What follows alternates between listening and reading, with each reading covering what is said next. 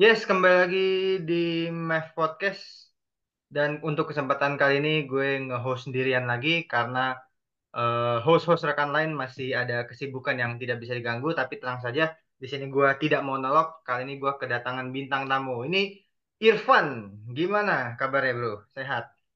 Halo semuanya, Tuh, alhamdulillah sehat. Alhamdulillah sehat. Eh, jadi Irfan ini sebenarnya gue tuh udah kenal lu tuh dari Juli ya, Van ya kalau nggak salah ya. Iya, dari bulan Juli. Di bulan Juli kita di acara Friends TVT itu acara yang di Noise ya kalau nggak salah ya Noise, iya Noise Kuningan. Nah, Noise Kuningan. Nah, jadi acara kita bertandang lah waktu itu ke kantor Noise untuk eh, mengetahui seluk-beluk podcast. Jadi memang cocok lah untuk kita kita ini sebagai konten kreator ya Van ya. iya betul sekali itu. Tapi lu sebenarnya di Friends TVT-nya juga nggak sih? Sebenarnya gue baru masuk Trans TVT sih, gitu loh. Oh, tapi tapi join di grup WhatsApp nih. Gue belum join grup WhatsApp-nya, Oh, belum di accept apa gimana? belum belum ada belum ada accept sama sekali. Dan gue juga nggak tahu kalau ada grup WhatsApp-nya. Gue baru tahu itu pas bulan November tuh Oh, jadi lu tahu. baru bergabung sebenarnya. Baru gabung. Oh, oke. Nah, Di Friends TVT itu selain podcast kita juga ada waktu itu kunjungan ke kantor ini ya. Google apa YouTube kalau nggak salah ya? Oh iya itu ada itu. Dan Ada. kemarin gue lihat juga kayaknya kunjungan kantor ke studio apa itu nggak tahu. Ya, studio apa gitu. Tapi itu di apa namanya? dibatasin ya. Maksudnya kalau yang di Noise kan waktu itu kuotanya bisa sampai 75 orang. Kalau yang di YouTube berapa orang ya? Nggak nyampe 20 kayaknya Van ya? Enggak nggak nyampe 20 kok. Jadi Oke. cepet-cepetan itu. Iya, jadi apa namanya? Ya dulu dulu duluan lah mana yang ini. Iya, siapa cepat ya dapat. Yes. Betul sekali. Nah, Kita di episode kali ini tidak membahas Festivity karena itu nanti ada bisa satu episode sendiri. Ini gue mengundang Irfan karena dia anak bola banget nih, bisa dibilang ya. Ya betul sekali itu. Lu fans apa, Van? Gue fans Madrid. Kalau lo sendiri? Gue MU.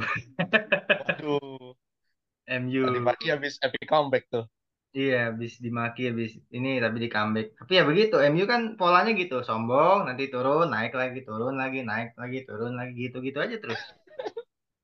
Iya ya. Ya, lu Madrid. Dari kapan, Van? Ya, gue Madrid tuh dari tahun 2014. Uh, baru ya, 2014 termasuk itu baru tuh berarti. ya termasuk baru. 2014 itu zamannya Di Maria sama Marcelo. Jadi gue tuh Hmm, salut sama dua orang itu. Di Maria, Marcelo sama Ozil. Itu bikin gue kayak ngefans sama Madrid. Dia mainnya enak dan gue juga ngeliatnya passing bolanya sama gocekan bolanya tuh dribblingnya juga oke gitu loh. Dan oke. apa ya, ditambah lagi ya dulu ada Ronaldo kan, karena Ronaldo belum pindah dari Madrid kan masih bagus-bagus banget tuh, masih zamannya Iya, Ronaldo, Benzema tuh. Hmm, oke. Nah, lu Madrid 2014 sebelumnya nggak terlalu ngikutin bola apa gimana, Pan? Sebelumnya tuh gue pernah eh ngasih tahu teman gue, teman gue pernah ngajakin gue, coba deh Pan, lu nonton bola. Bola Hmm. satu aja kok direbut sih gitu loh. Nah Oh, lu mikirnya gitu ya? iya gitu loh. Ini olahraga apa sih gitu loh. Terus aneh gitu. Nah, terus pas 2011 gue nonton tuh sekali tuh di bareng sama temen gue kan, kok Hmm. ternyata kayaknya pas 20 menit tuh apa ya boring gitu biasa aja. Tapi pas menit 50 setelah babak dua tuh kayak wah ini greget nih sa- jadi saling serang. Oh ini yang dinamakan sepak bola gitu loh. Oh, Itu oke. Oke, oke, oke. Nah, lu kan apa namanya ngefans tuh dari 2014 tuh berarti waktu itu pelatihnya masih Ancelotti kalau nggak salah ya? Eh, siapa ya? ya masih Ancelotti itu. Hmm, masih Ancelotti. Nah, Masih Ancelotti asistennya Zidane. asistennya Zidane ya. Wah, itu Zidane sebelum dia hat trick ini ya, UCL ya? Belum sebelumnya. Ya, sebelumnya lagi. ah.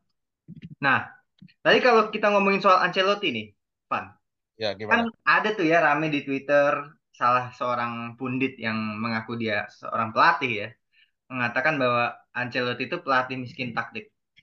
Lu sebagai fans Madrid setuju, setuju nggak sih dengan asumsi itu? Sebenarnya gini ya, dibilang miskin taktik juga enggak. Hmm, Sebenarnya dibilang pemain Real Madrid itu mulai dari penguasaan bola, hmm, gerakan tanpa bola. operan short longnya itu kualitasnya sama bagusnya. Dan Oke. ketika lo gabung Madrid itu mentalnya juga udah beda gitu loh. Hmm. Anggap kayak pernah waktu itu dari dua kosong jadi tiga dua gitu loh. Ya. Anggap kayak yang kemarin itu yang Madrid lawan Chelsea. Itu sebenarnya gue udah noting tulus kayak antara lolos atau enggak. Atau yang lebih parahnya lagi lawan City sih itu kemarin. Itu Oh antara iya. lolos atau enggak. Itu bener-bener epic comeback. Itu Hmm. bener-bener yang namanya mental tuh nggak ada yang nggak ada yang bisa mengalahkan kalau ada pengalaman di PL. Itu sih. Nah, sebenarnya gini, kalau masalah miskin taktik itu kan kita harus tahu nih parameternya apa miskin taktik itu.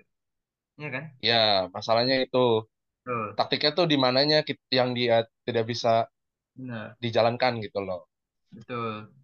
Apakah miskin taktik itu eh, lu nggak punya plan B misalkan sebagai pelatih kan bisa tuh ya kan atau mungkin taktik lu tuh bisa macem-macem sebenarnya tapi kok pemainnya itu itu aja yang lu pasang itu kan juga bisa masuk tuh walaupun taktik lu variatif tapi bisa dituduh sebagai miskin taktik ya kan Iya, betul.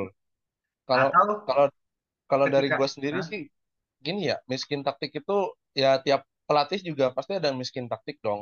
Anggap betul kayak gue sebut deh Mourinho. Mourinho Ah, pasti kalau udah menang pasti parkir bus. Dia betul pasti eh, pa- parkir bus pasti nggak akan mau eh, timnya tuh kebobolan gitu. Anggap Ah, ya udah kayak gitu aja gitu anggapannya. iya Makanya nih definisi miskin taktik ini bias nih. Apa tuh kira-kira definisi pastinya? Apakah lu ketika lu tadi kayak lu ngomong Van ketinggalan lu nggak mengubah apa-apa itu kan bisa bisa dibilang miskin taktik juga atau enggak gitu kan? Iya, betul. Tergantung ke pelatihnya. Nah, ini spill dulu Irfan juga salah satunya request bahasan Real Madrid nih soal eh, peluang di UCL dan La Liga terutama musim ini ya. Mungkin kita ba- bahas La Liga dulu nih. Madrid tuh ranking 2 kalau nggak salah sekarang ya. Di bawah Girona ya. Satu, Satu ya? satu, Satu. satu, satu, satu. Nah, lu melihat Madrid musim ini gimana di La Liga peluangnya? Apakah bisa juara atau enggak? Dan lu melihat kuda hitam kayak Girona ini gimana, Pan, menurut lu? Kok bisa tiba-tiba yang anggapannya Madrid tuh, eh apa, La Liga itu kan Madrid Barca. Ya, sesekali Atletico lah. Tiba-tiba Madrid Barca ATM lah. Heeh. ya kan? So, namanya Girona kan? Heeh. Heeh. Oke, kalau dari gue sendiri adalah ngeliat Madrid musim ini di La Liga. Itu bener-bener kayak eh, namanya tim La Liga kan isinya parkir bis sih kalau gue lihat-lihat.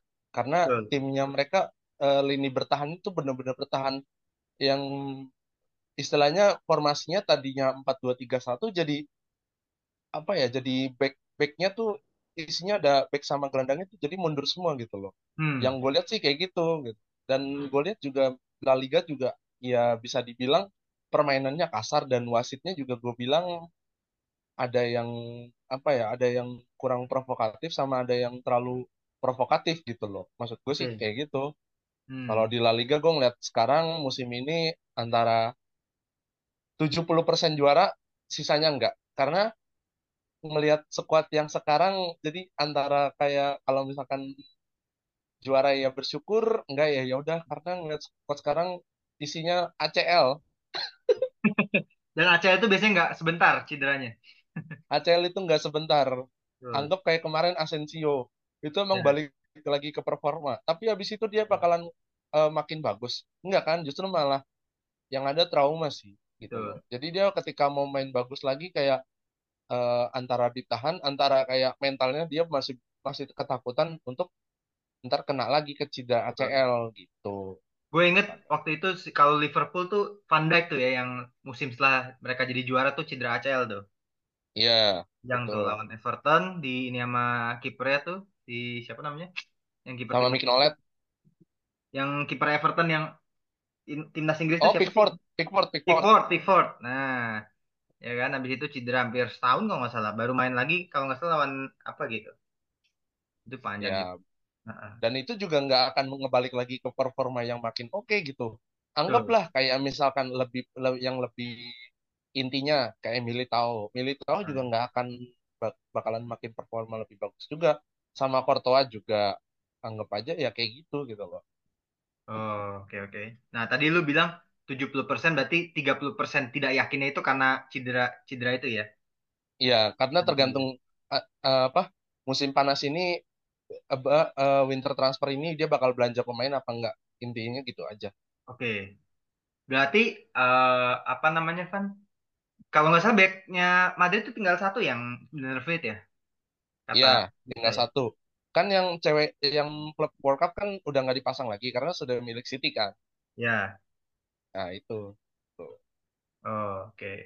Nah, kalau dari lu kan eh, ekspektasinya sebagai fans Madrid nih ya. Madrid Iya, perlu nggak sih belanja transfer di musim dingin ya, bulan depan berarti Januari nih. Iya Januari. Menurutnya urgensinya seberapa tinggi untuk belanja pemain dan posisi apa aja Van yang menurut lu penting nih untuk ditambal nih? Back, back terutama itu. Back, Back back tengah, sama striker. Heeh. striker. Karena striker kita nggak akan ngandelin Jose Lu aja. Iya. Dan Jose Lu juga udah 30-an kan umurnya? Jose Lu udah di atas 33, anggap aja deh. Hmm. Makanya back itu penting. Karena kemarin Nacho sempat kartu merah tuh agak riskan juga gitu. Sisa back bertahan tuh hanya Rudiger. Masa Iya, ya mau mau ngambil dari akademi yang istilahnya pengalamannya yang nggak terlalu oke gitu loh. oke. Anggap katakanlah paling kalau mau balik lagi adalah yaitu Rafa Marin yang backnya Alaves itu paling bisa balik gitu loh. Atau mau ngerekrut Varane juga kayaknya Varane juga lagi ada problem sih gue lihat-lihat. Oke, iya. Varane katanya dirumorkan mau balik lagi ya ke Real Madrid ya. Iya, Cuman kan Varane juga sekarang track recordnya udah sering masuk ruang ganti. Jadi ya iya makanya itu. Jadi agak hati-hati juga kalau misalkan mau rekrut orang. gitu jangan expect Varane yang sebelum pindah ke MU gitu maksudnya. Iya betul makanya itu. Gue tadi ba- baru baca berita ini juga, Van. Apa namanya eh, beberapa pemain Real Madrid yang ya istilahnya eh, apa ya, ya udah umur-umur segitulah, yang nasib kontraknya juga belum jelas. Kalau menurut lu pemain-pemain kayak Modric, kayak Kroos itu perlu ada penambahan kontrak atau udahlah lepas aja pemain-pemain yang kayak gitu ya. Dedengkot Oke. dedengkotnya maksud gue. Oh yang pemain yang udah berumur gitu ya. Ah, kayak Toni Kroos, Modric, terus juga siapa namanya Lucas Vazquez gitu. Oh iya iya iya. oke oke oke. Kalau masalah Cross sama Modric itu mungkin untuk satu untuk du- satu musim semusim lagi masih oke. Tapi untuk dua dua tahun ke depannya lagi kayaknya jangan diperpanjang deh. Dan Hmm, itu juga hanya untuk ini aja. Kalau bisa itu hanya untuk substitution aja. Jadi ngutamain Camavinga sama Tchouaméni. Tapi nggak betul. mungkin dong Tchouaméni sama Camavinga main bareng karena kan sama-sama bertahan juga, gelandang bertahan Ya. gitu. Ya mungkin harus cari penggantinya sih. Kayak mungkin kita harus rekrut. Anggap gelandang itu kemarin yang gua denger-dengar adalah mau ngerekrut Barella. Itu bagus itu Barella. Hmm, Barelanya Itu Inter ya. Barellanya Inter. Hmm, Karena itu gue lihat juga potensinya juga oke gitu loh. oke. Itu sih untuk cocok cocok untuk ngerek cocok untuk penggantinya Cross itu sih kalau Barella. Kalau Oke. Modric itu udah ada Camavinga atau Tchouaméni sih, tinggal apa tinggal tuker posisi aja Oke. gitu sih. Oke, Van, mungkin ini agak eh, mundur sedikit ya. Kembali lagi kita tadi soal peluang La Liga dan UCL kan kalau La Liga tadi sudah segelintir ya dari lu lah. Kalau UCL ini, Hah? kalau Kalau peluang UCL, Van. oke, kalau UCL ini Nah, gua akuin ya ya, 80% iya, 20%-nya enggak. Karena apa? Mental Madrid di UCL tuh luar biasa. betul. Nggak perlu diragukan lah ya. Nggak perlu diragukan lagi. Hmm, Jadi gua akuin walaupun mau menangnya tipis, mau istilahnya leg pertama kita kalah dulu, leg kedua menang dulu, itu pasti ada.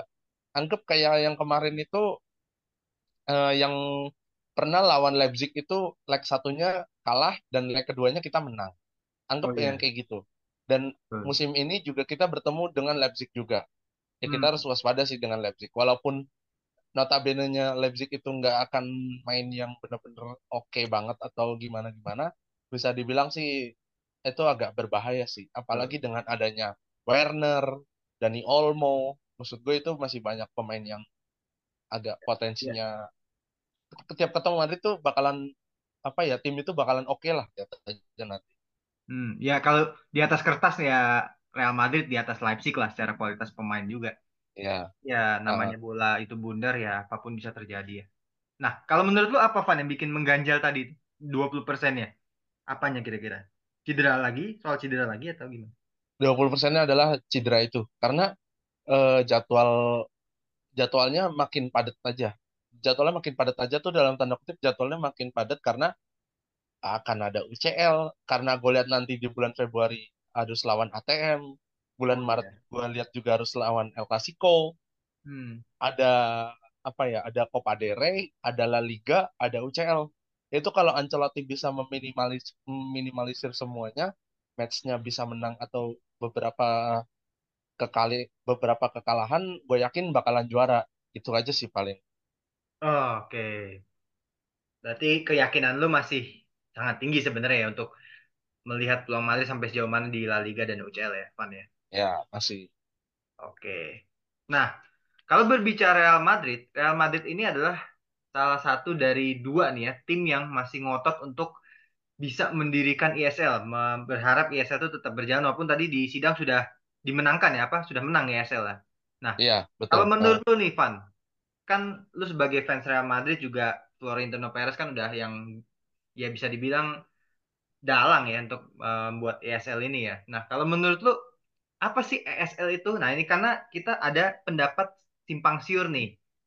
Banyak yang pro, banyak yang kontra. Mungkin kalau dari lu yang pro atau kontra, tapi lu bisa jelasin dulu nggak, Van, di episode kali ini, ESL itu apa sih sebenarnya? Oke, eh, ESL itu bisa disebut bisa disebut Superliga Eropa lah ya.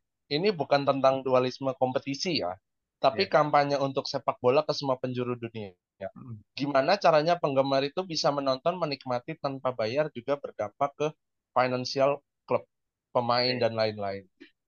Kalau misalkan memperbaiki keuangan klub yang ikut otomatis, masalah gaji pemain bukan lagi masalah karena keuangan klub sehat, Eh, Ya. karena yang gue lihat adalah ketika ESL sudah berjalan ataupun ESL sudah mulai, pasti bakalan sering ada big match. Cuman eh, notabene-nya pasti orang mikir kayak, ah nggak seru nanti eh, sering big match. Eh, karena menurut gue ya bodo amat sih, justru itu malah seru aja sih. Kayak kita, apa ya, jadi menarik aja tontonan untuk para masyarakat aja gitu. Oke. Kalau menurut lu apa kira-kira diferensiasinya, Van, de- dengan yang the current competition ya? Dalam tanda kutip di sini UEFA ya. Ah, di- karena ya ya menurut gue ESL itu lebih apa ya format formatnya kan nggak jauh beda dengan UCL ya. Nah, lebih baik ya menurut gue ya ikutin ESL aja ya menurut gue ya menurut gue sendiri. Karena gue ngeliat juga apa ya eh fo- apa matchnya itu ESL itu 14 match. Sedangkan UEFA itu UCL itu 48 match. Menurut gue ya sama aja lu mending ikutin ESL gitu dalam tanda kutip kan itu juga ESL sudah banyak tim yang mengikuti gitu loh Kalau UCL hmm. kan masih ada, eh kalau UEFA kan masih ada kayak nanti, anggap aja lah kayak bakalan ada UCL, U, UEL, segala macam. Maksud gue kayak gitu, kenapa kita tidak digabungin aja semuanya gitu loh maksud gue. Oh, Anggap yang kayak gitu. Kalau menurut gue sih kayak gitu. Dan apa ya, menurut gue ESL ini kan streaming gratis ya. Semua Hmm. match untuk penonton layar kaca. Oke. Kenapa nggak disetujui? Gitu aja sih menurut gue. Oh, oke. Nah, jadi eh, buat kita pendengar podcast ini sudah ada namanya, Pak. Namanya Sobat Mev. Nah, jadi buat Ah, Sobat Mev itu eh, ESL itu sebenarnya sudah gaungnya itu sudah sejak dua tahun lalu, Pan ya. April tuh kalau nggak salah 21. Nah, kita ah, sebenarnya ah. di Mev Podcast ini sudah ada episode khusus membahas ESL, Pan, waktu itu. Sama Hmm, gimana? salah satu teman gue juga, tapi dia fans Barca gitu. Di episode 40-an lah gue lupa. Eh, 40 atau 50-an lah. Membahas soal ESL ini. Menurut dia pandangan dia seperti apa. Dan dia juga sama kayak lu. Tipe yang pro. Tim yang pro ESL kalau bisa jalan gitu. Gitu, Pak. Hmm. Karena menurut gue ya gini, membuat uang keuangan klub sehat gitu loh. Dan itu juga nggak akan dinaungi dengan UEFA gitu. Karena kan dinaungi dengan klub pihak klub sendiri gitu loh. Ya, Ya, itu sih menurut gue. oke.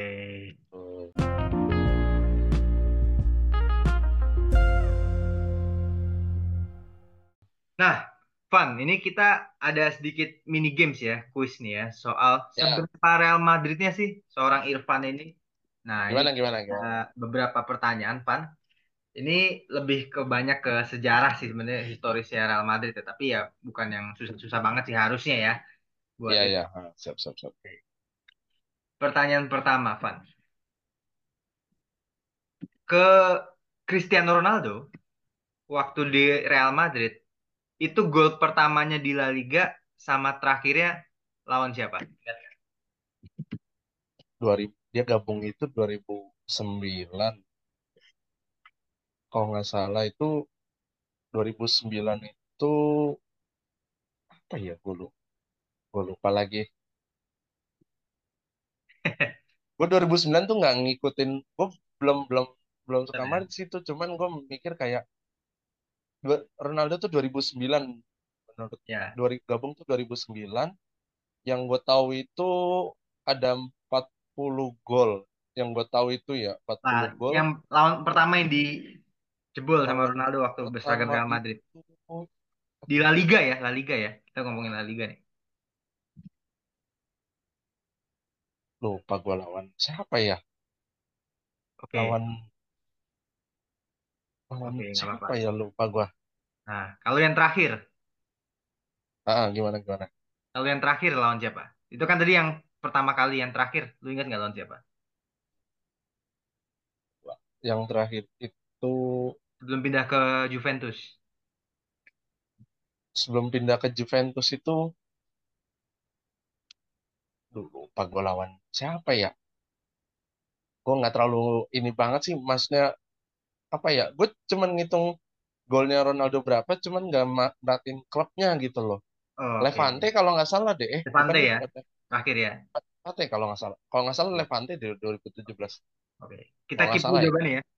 Levante ya. Ah, ah, gimana? Oke. Kita lanjut dulu pertanyaan nomor dua. Nanti baru kita bahas. Ah, gimana gimana? Oke, pertanyaan nomor dua. Lu bisa menyebut menyebutkan nggak starting elevennya Real Madrid waktu dapat La Decima? Masih ingat nggak? La Decima tahun 2014. 2014. Masih Oke, ingat nggak? Starting elevennya ya. oke. Yang di Jangan googling Lisbon. ya, jangan googling ya. Aman aman aman aman. Yang di Oke. Lisbon ya.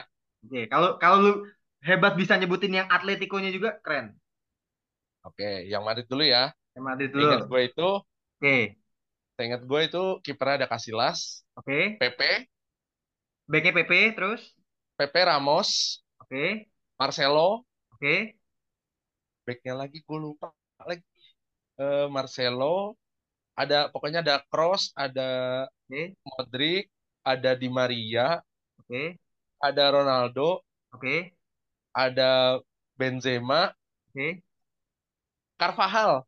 Tapi Carvajal sempat cedera. Duh, gue lupa lagi Ini yang starting eleven ya, yang bukan cadangan, yang main dari dari menit nol ya. Iya, karena Carvajal kan sempat cedera tuh. Tiap di final dia cedera itu. Oke. Nah, Carvajal udah udah udah kan Casillas, Ramos, Ramos. Pepe, Oke. Carvajal, Oke. terus Marcelo, Oke. Kroos, Oke. Eh, Modric, Oke. terus Di Maria, Oke. eh, Benzema, Oke. Bale, Oke. Ronaldo. Oke. Itu yang Real Madrid ya. Ya, Kalau yang Atletico-nya, waduh? Atletico-nya gua yang gue tahu Oblak Oke. sama strikernya itu aduh gua nggak tahu lagi kalau Atletico Oke. Oke. yang gue tahu adalah. Oblak doang sama Oblak. itu sih siapa ya sama kok kok koke apa siapa gitu gue lupa Oke. Oke. Oke. Itu kita keep dulu jawabannya ya, Van ya. oke oke oke Pertanyaan terakhir. Ya ini mungkin agak sedikit lebih susah nih. gimana gimana gimana Ini siapakah aku? Ini tebak mantan pemain Real Madrid. hmm, Siapakah aku? Aku selain dulu di Real Madrid pernah bermain di AC Milan. hmm, hmm. Terus Aku eh, berposisi sebagai pemain tengah dan aku berwarga kena apa warga negaraku Argentina. Dulu Sir Alex Ferguson menyebutku sebagai pemain robot. Siapakah aku?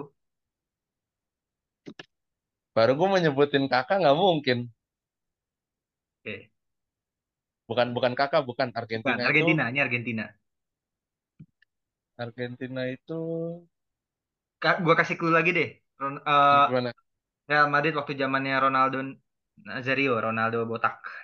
Oh, Ronaldo botak. Ah, terus Nah itu pemain tengahnya dia tuh waktu zaman strikernya dia.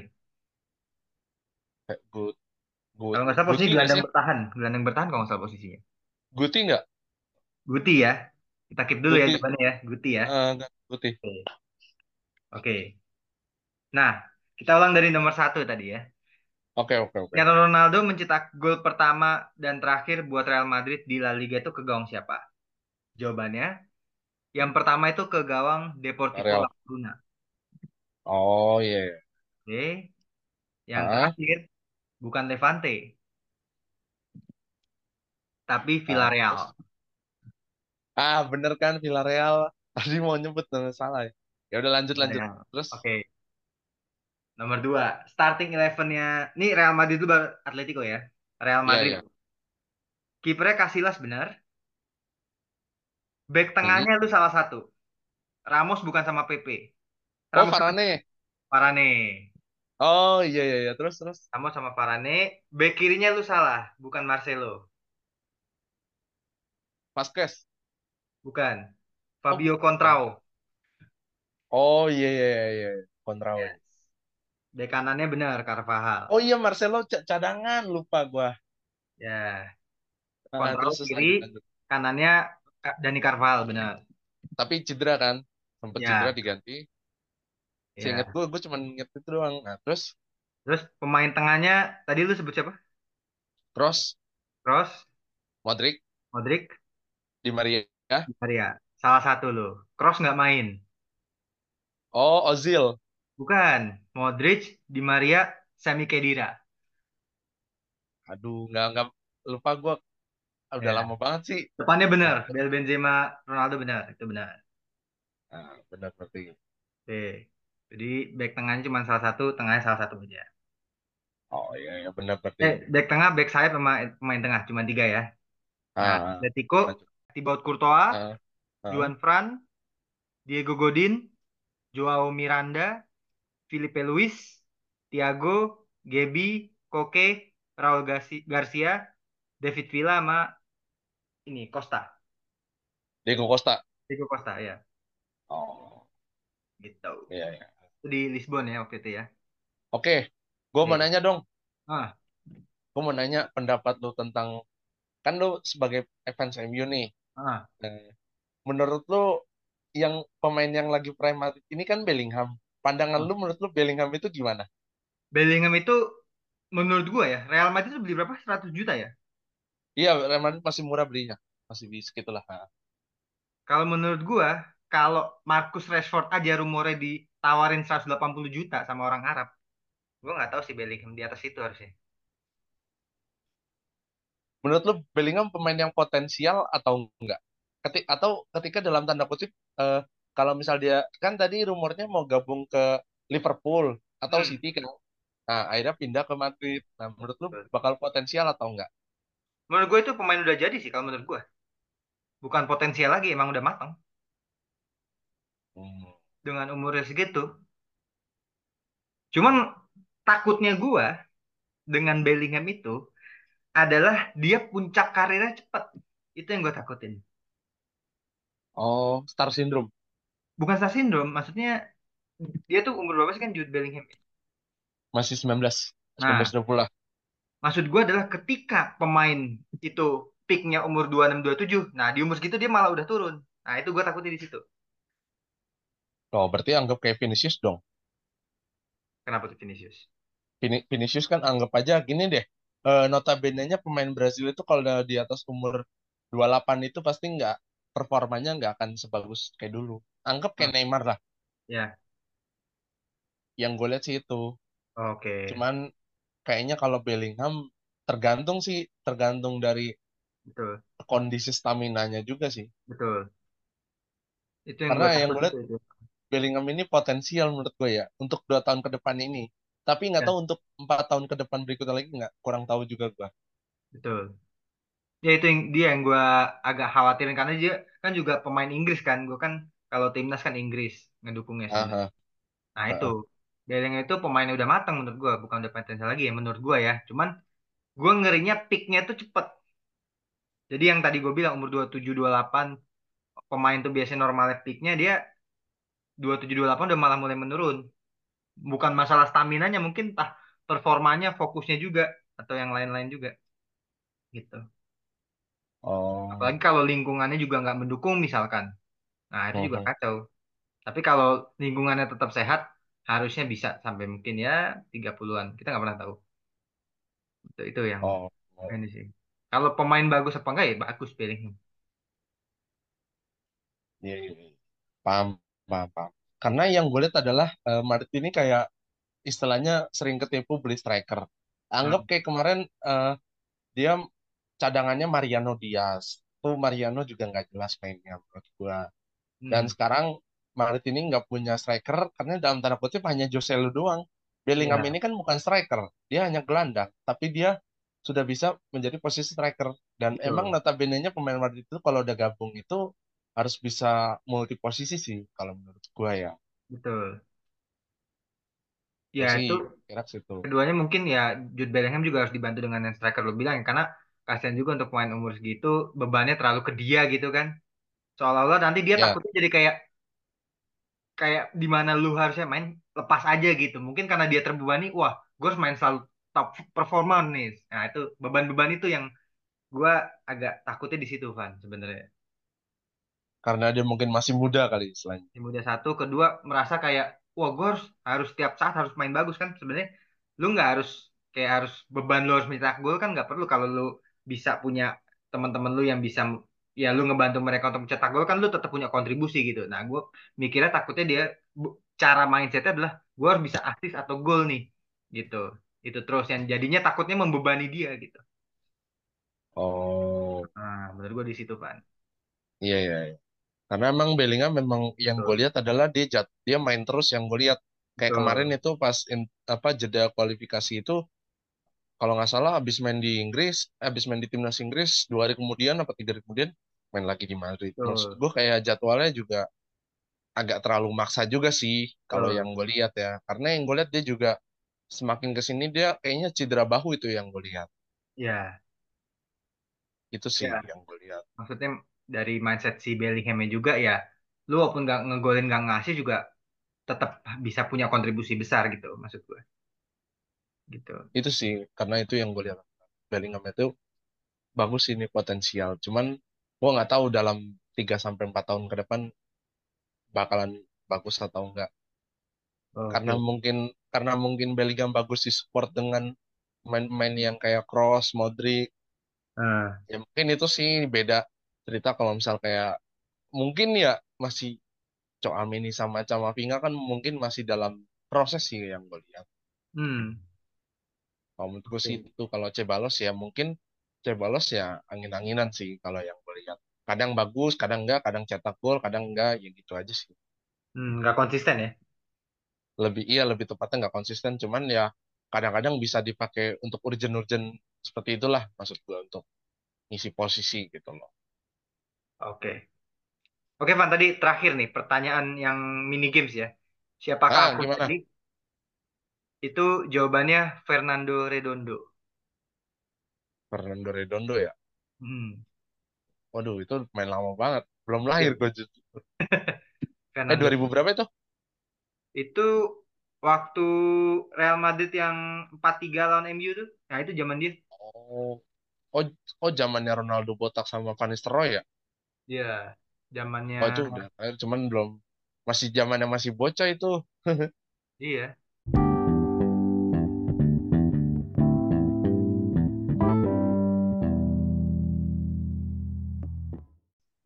Nah, ini pertanyaan terakhir banget, Pan. Sebelum kita promo sosial media dan closing nih. Harapan lu nih. Ini kita sekarang berbicara sepak bola nasional, terutama timnas Indonesia ya, yang kayaknya arahnya udah mulai bener nih ya. Kita belum bisa pastikan bener 100%, tapi arahnya udah se- secerca harapan itu udah ada. Nah, kalau menurut lu gimana, Pan?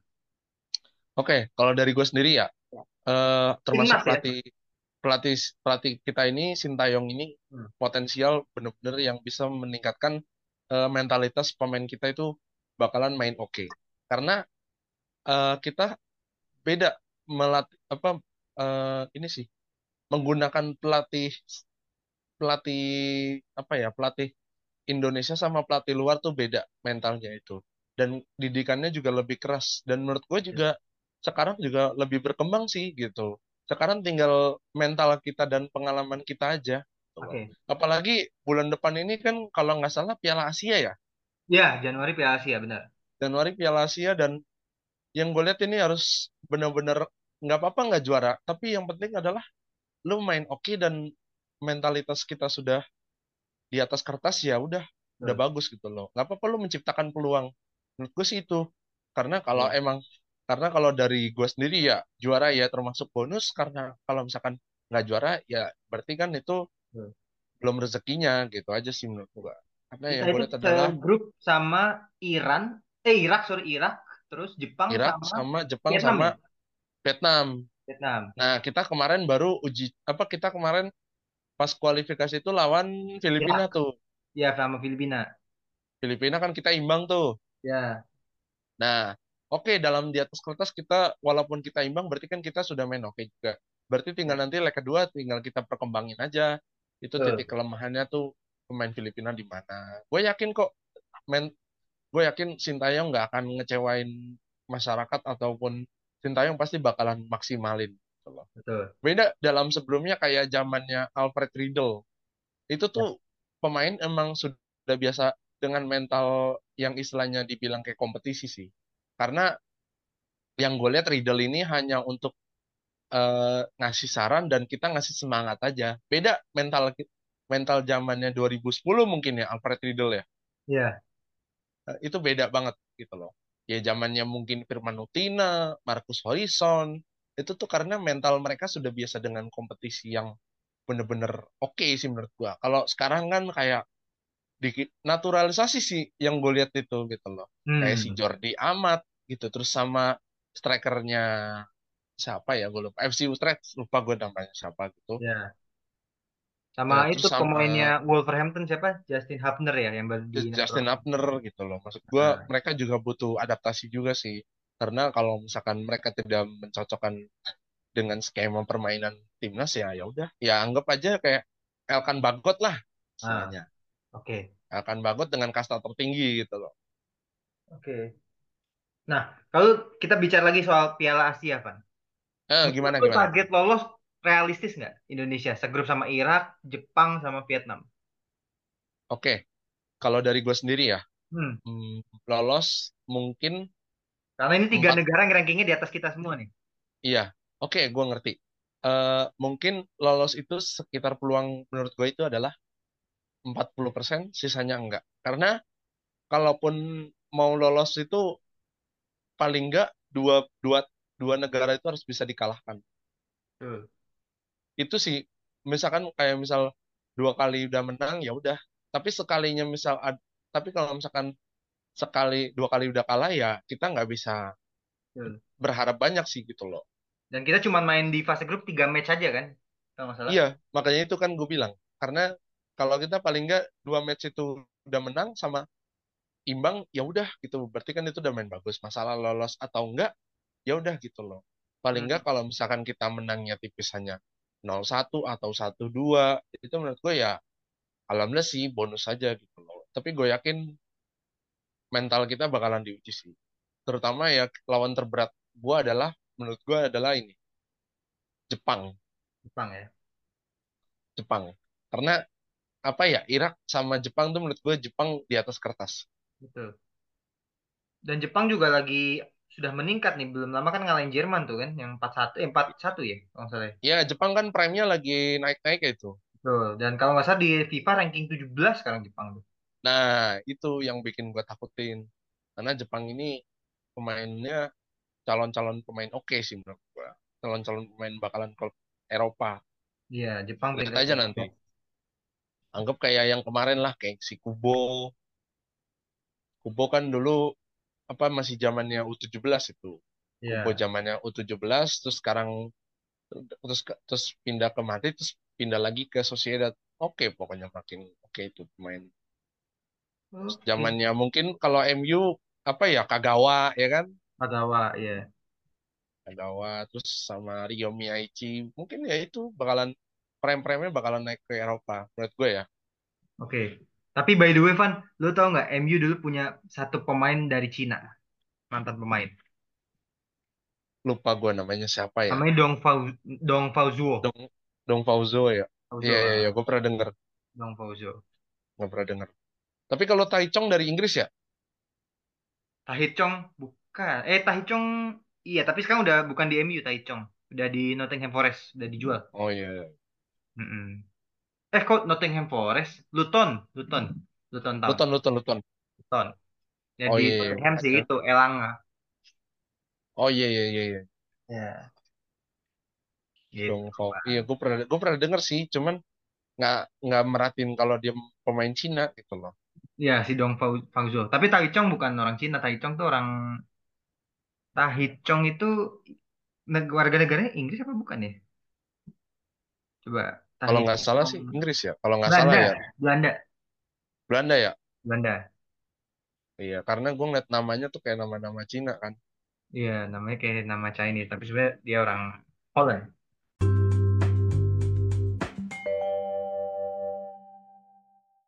Nah, oke Van, kita sebelum closing ada promo sosmed nih. Ini privilege nih buat setiap bintang tamu yang udah main di Math Podcast nih ya. Berbagi nih, ah sosial medianya apa nih?